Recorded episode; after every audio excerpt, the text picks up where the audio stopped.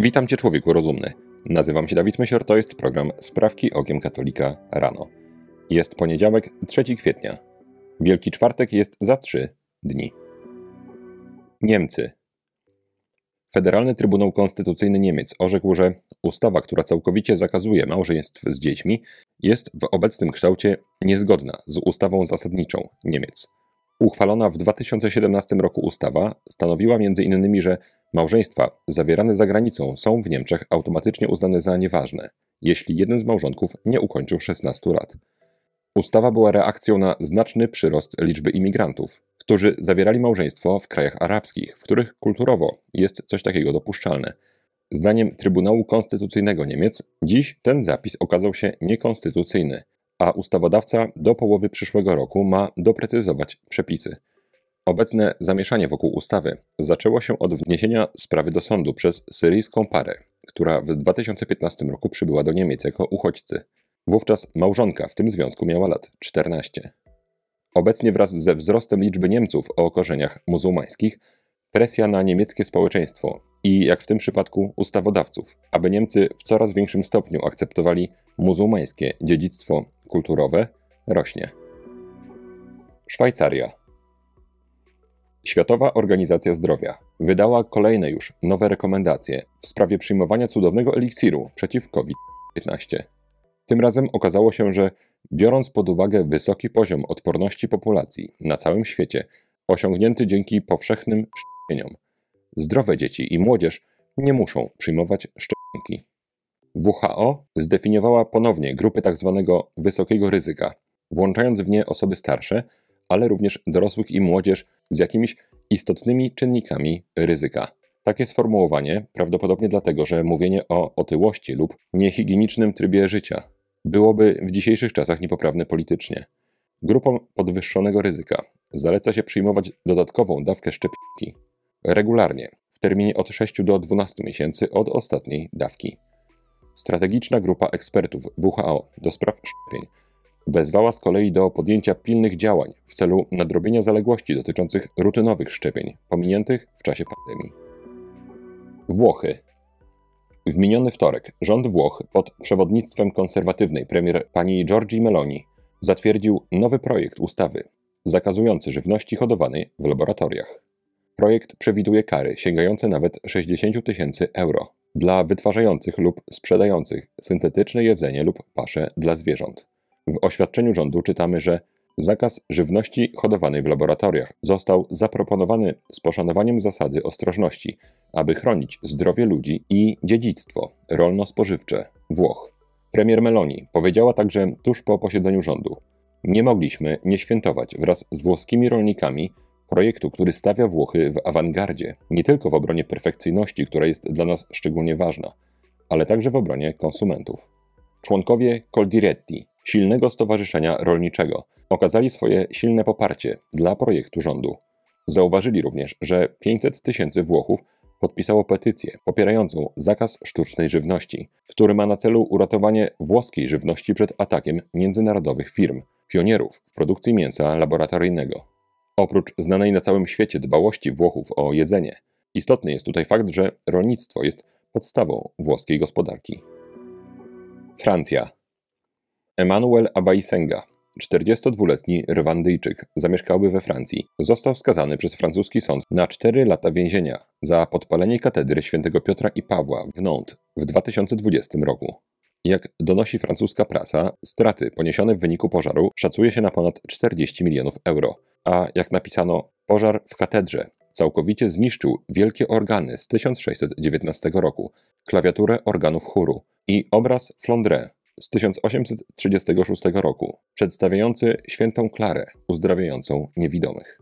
Powodem śmiesznie niskiego wyroku dla sprawcy jest uznanie go za częściowo niepoczytalnego w chwili wydarzeń. Przyczyną, dla której Rwandyjczyk podpalił katedrę w Nantes, bezpowrotnie niszcząc wielowiekowe dzieła, było rozgoryczenie sytuacją administracyjną. Rwandyjczyk zawitał do Francji w roku 2012, a od 2018 roku włączył się w działalność duszpasterską Franciszkanów, którzy go przygarnęli. Obecnie wobec niego toczy się także kolejne postępowanie. Zdaniem śledczych pan Emmanuel Abaisenga może mieć bezpośredni związek ze śmiercią zakonnika, ojca Oliwiera Mera, ze Zgromadzenia Misjonarzy Towarzystwa Maryi. Stany Zjednoczone. Stanowy parlament stanu Kentucky w minioną środę na szczęście odrzucił weto demokratycznego gubernatora stanu pana Andiego Beshara wobec ustawy zakazującej zmiany płci przez nieletnich, a także promowania ideologii gender w szkołach publicznych. Ustawa, którą usiłował zawetować ten lewicowy polityk, zabrania nieletnim poddawania się chirurgicznym lub chemicznym operacjom zmiany płci. Nakłada też na placówki medyczne obowiązek odzwyczajania nieletnich od wydanych wcześniej blokerów dojrzewania lub hormonów płciowych. Zabrania też dyskusji w szkołach na temat tożsamości płci. Utrudnia placówkom edukacyjnym wdrażanie takich aberracji jak używanie preferowanych zaimków, czy pozwalanie na korzystanie z toalet uczniom przeciwnej płci. Lewicowy gubernator skomentował decyzję parlamentu w następujący sposób. Ustawa odbiera rodzicom swobodę podejmowania decyzji w kwestiach medycznych dotyczących ich dzieci oraz zamienia nauczycieli i administrację w śledczych, którzy muszą podsłuchiwać rozmowy uczniów. Pan Shane Baker, republikański deputowany z Kentucky, powiedział z kolei: Nie możemy pozwolić, aby ludzie podążali za swoimi dziwnymi fantazjami i podejmowali w młodości decyzje, przez które na pewno za lat 10, 20, 30 będą bardzo nieszczęśliwi. Ponownie Stany Zjednoczone. Pan profesor Steven Shaviro, wykładowca anglistyki i filmoznawstwa na Wayne State University w Detroit w stanie Michigan, zamieścił post na Facebooku, w którym de facto nawoływał do zabijania konserwatystów. W swoim tekście profesor Shawiro popisał się wyjątkową, nieskrępowaną lewicową tolerancją i pacyfizmem, pisząc: Chociaż nie jestem zwolennikiem łamania federalnych i stanowych kodeksów karnych, to uważam, że zabicie rasistowskiego, homofobicznego i transfobicznego mówcy jest o wiele bardziej godne podziwu niż przekrzykiwanie go. Post szybko zniknął z sieci. Zachowały się jednak ślady w postaci zrzutów ekranu. Wobec zachowania wykładowcy, rektor uniwersytetu, pan Roy Wilson, napisał e-maila adresowanego do wszystkich studentów. Słowa profesora Shaviro zostały uznane za w najlepszym przypadku naganne moralnie, a w najgorszym kryminalne. W oświadczeniu rektora czytamy: Wielokrotnie broniliśmy prawa do wolności słowa, gwarantowanego przez pierwszą poprawkę do Konstytucji Stanów Zjednoczonych. Ale uważamy, że ten post znacznie wykracza poza granice rozsądnej lub chronionej wypowiedzi. Uniwersytet poinformował także o zawieszeniu nawołującego do zabijania konserwatystów wykładowcy, a administracja uczelni przekazała sprawę odpowiednim organom ścigania. Wypowiedzi lewaków o tym, że konserwatystów czy też chrześcijan należy się pozbywać, jest coraz więcej.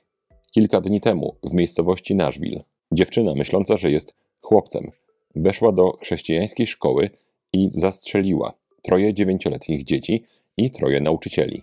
Natomiast FBI twierdzi, że nie ma żadnych poszlak co do motywu tej zbrodni, a lewicowi politycy, w tym Joe Biden, po tym wydarzeniu wyrazili swoją solidarność z, uwaga, nie zamordowanymi chrześcijanami, ale społecznością LGBTQ i inne literki. Bo czyn tej transseksualnej osoby może teraz na tę społeczność przynieść dodatkowe stresy. Polska.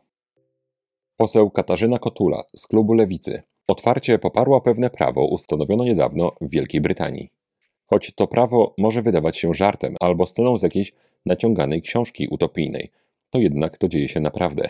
Na wyspach wprowadzono totalitarne prawo zakazujące modlitw w promieniu 150 metrów od tzw. Tak klinik aborcyjnych. W programie Sprawki Okiem Katolika mowa już była o pani Isabel Wogan z Prus, brytyjskiej działaczki pro-life, której zbrodniczy aktywizm polegał na tym, że modliła się w ciszy nieopodal kliniki aborcyjnej. Natomiast teraz przedstawicielka polskiej lewicy zapowiedziała wprowadzenie podobnej rewelacji w Polsce po ewentualnym sukcesie wyborczym jej ugrupowania. Na Twitterze napisała tak: Wprowadzimy zakaz modlitw i pikiet z krwawymi banerami przed szpitalami, w których są oddziały ginekologiczne, zaraz po wygranych wyborach. Pomysł poseł Kotuli spotkał się z odpowiedzią innej pani poseł, Anny Marii Siarkowskiej z Solidarnej Polski. Zakaz modlitwy, zakaz spowiedzi, bezkarność zakłócania mszy świętych, pozbawienie praw obywatelskich osób duchownych, zakaz religii w szkołach, tolerancja lewicy pełną gębą. Co by nie mówić, to boją się modlitwy jak diabeł święconej wody. Ponownie Polska. Pani Zofia Zborowska, polska aktorka i celebrytka, stwierdziła, iż zbliżające się święto Zmartwychwstania Pańskiego, to jest Wielkanoc, zamierza spędzić bez kontekstu religijnego. W wywiadzie dla jednego z portali internetowych powiedziała: Spotykamy się na śniadania, ale jest to bardziej dla osób, które są wierzące i robimy to dla nich w formie poszanowania ich wiary i tradycji. Natomiast my z mężem absolutnie nie jesteśmy osobami wierzącymi, osobami, które pójdą do kościoła i będą podchodzić do tych świąt w sposób szczególny. Dla nas jest to po prostu śniadanie jak każde inne, tylko w większym gronie. Pani Zborowska w 2021 roku zapowiedziała dokonanie apostazji. Jednak później napisała, że jest chyba na to zbyt leniwa. Natomiast zapytana o święta Bożego Narodzenia, odpowiedziała, że te święta obchodzi, gdyż do nich ma sentyment. Zauważcie, że święta Zmartwychwstania Pańskiego są dużo trudniejsze do skomercjalizowania niż Boże Narodzenie. Wigilia, kolendy, szopka, gwiazdka na niebie, choinka, święty Mikołaj, potem zamieniony na jakiegoś starszego pana z siwą brodą w czerwonym kubraczku w ciężarówce Coca-Coli. To wszystko jest jakoś łatwe do skomercjalizowania.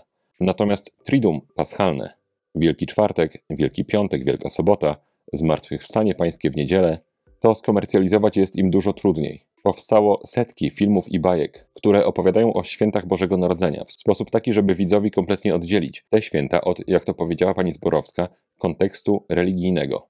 W przypadku Bożego Narodzenia to się udało. Przed Bożym Narodzeniem nie musi więc być takich wywiadów na zamówienie. Przed Wielkanocą filmów czy bajek dotyczących Wielkiej Nocy było kilka i były słabe, że tam jakiś zając ratuje Wielkanoc czy coś takiego. Dlatego kiedy przed Wielkanocą atmosfera, przynajmniej dla części kraju staje się stricte religijna. Lewica ma dyskomfort. I wtedy zwykle pojawiają się właśnie takie wywiady z panią celebrytką, która musi opowiedzieć wszystkim, że ona obchodzi święta Wielkiej Nocy bez kontekstu religijnego. Bardzo dziękujemy Pani Zofio za tę cenną informację. Ostatnia sprawka to krótka rozprawka. Ze statystyk wynika, że jeden na siedmiu chrześcijan na świecie doświadcza prześladowań. W Polsce możemy mówić sobie, jak dobrze, że u nas tego nie ma. Katolicy nie są bezpośrednio zagrożeni, nikt ich masowo nie napada, nie morduje. I z jednej strony, oczywiście, dzięki Bogu, że tak jest. Ale warto też spojrzeć na to z perspektywy wieczności.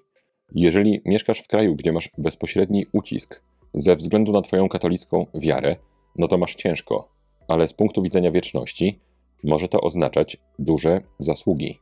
W kraju takim jak Polska, w którym dzisiaj nie ma takich scen, istnieje pokusa takiego komfortowego katolicyzmu. Napisane jest przecież w świecie ucisk mieć będziecie. Co to ma oznaczać, że gdzieś tam w świecie dzisiaj mordują katolików? Też, ale co z naszym uciskiem?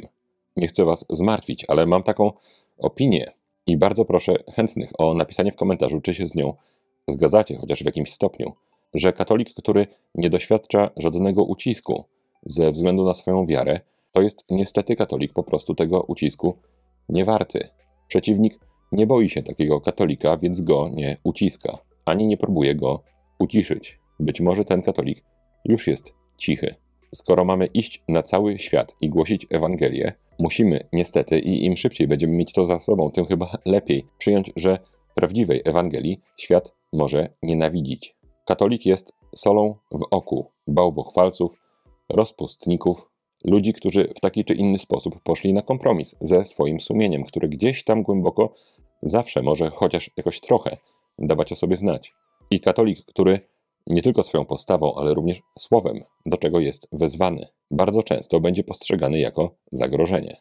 Zmiany, które zaszły w Kościele w ostatnich dziesięcioleciach, niestety pod mocnym wpływem masonerii, rozpowszechniły koncept wolności religijnej, w której ja wierzę sobie tak, ty wierzysz sobie tak i nie wchodzimy sobie w drogę. Natomiast to jest wymysł współczesnych czasów i też dla wielu katolików świetna wymówka. Prawdziwe głoszenie Ewangelii przynosi ucisk ze strony tych, którzy albo sami nie mogą tego słuchać, bo ich to mierdzi, albo tych, którzy są zorganizowani i którzy wiedzą, że ich żywotnym interesom finansowym katolicyzm bardzo nie sprzyja. Kochani, stawiam taką odważną i może niewygodną tezę. Jeżeli ze względu na swoją wiarę nie doświadczasz żadnego ucisku, prawdopodobnie polecenie idźcie na cały świat i głoście Ewangelię wypełniasz jeszcze zbyt mało intensywnie. To na dzisiaj wszystkie sprawki okiem katolika rano. Życzę Wam błogosławionego dnia i jak najbardziej religijnego przeżycia ostatnich chwil Wielkiego Postu. Człowieku rozumny. Trzymaj się, nie łam się i bardzo Ci dziękuję za Twój czas. Do usłyszenia jutro. Z Panem Bogiem.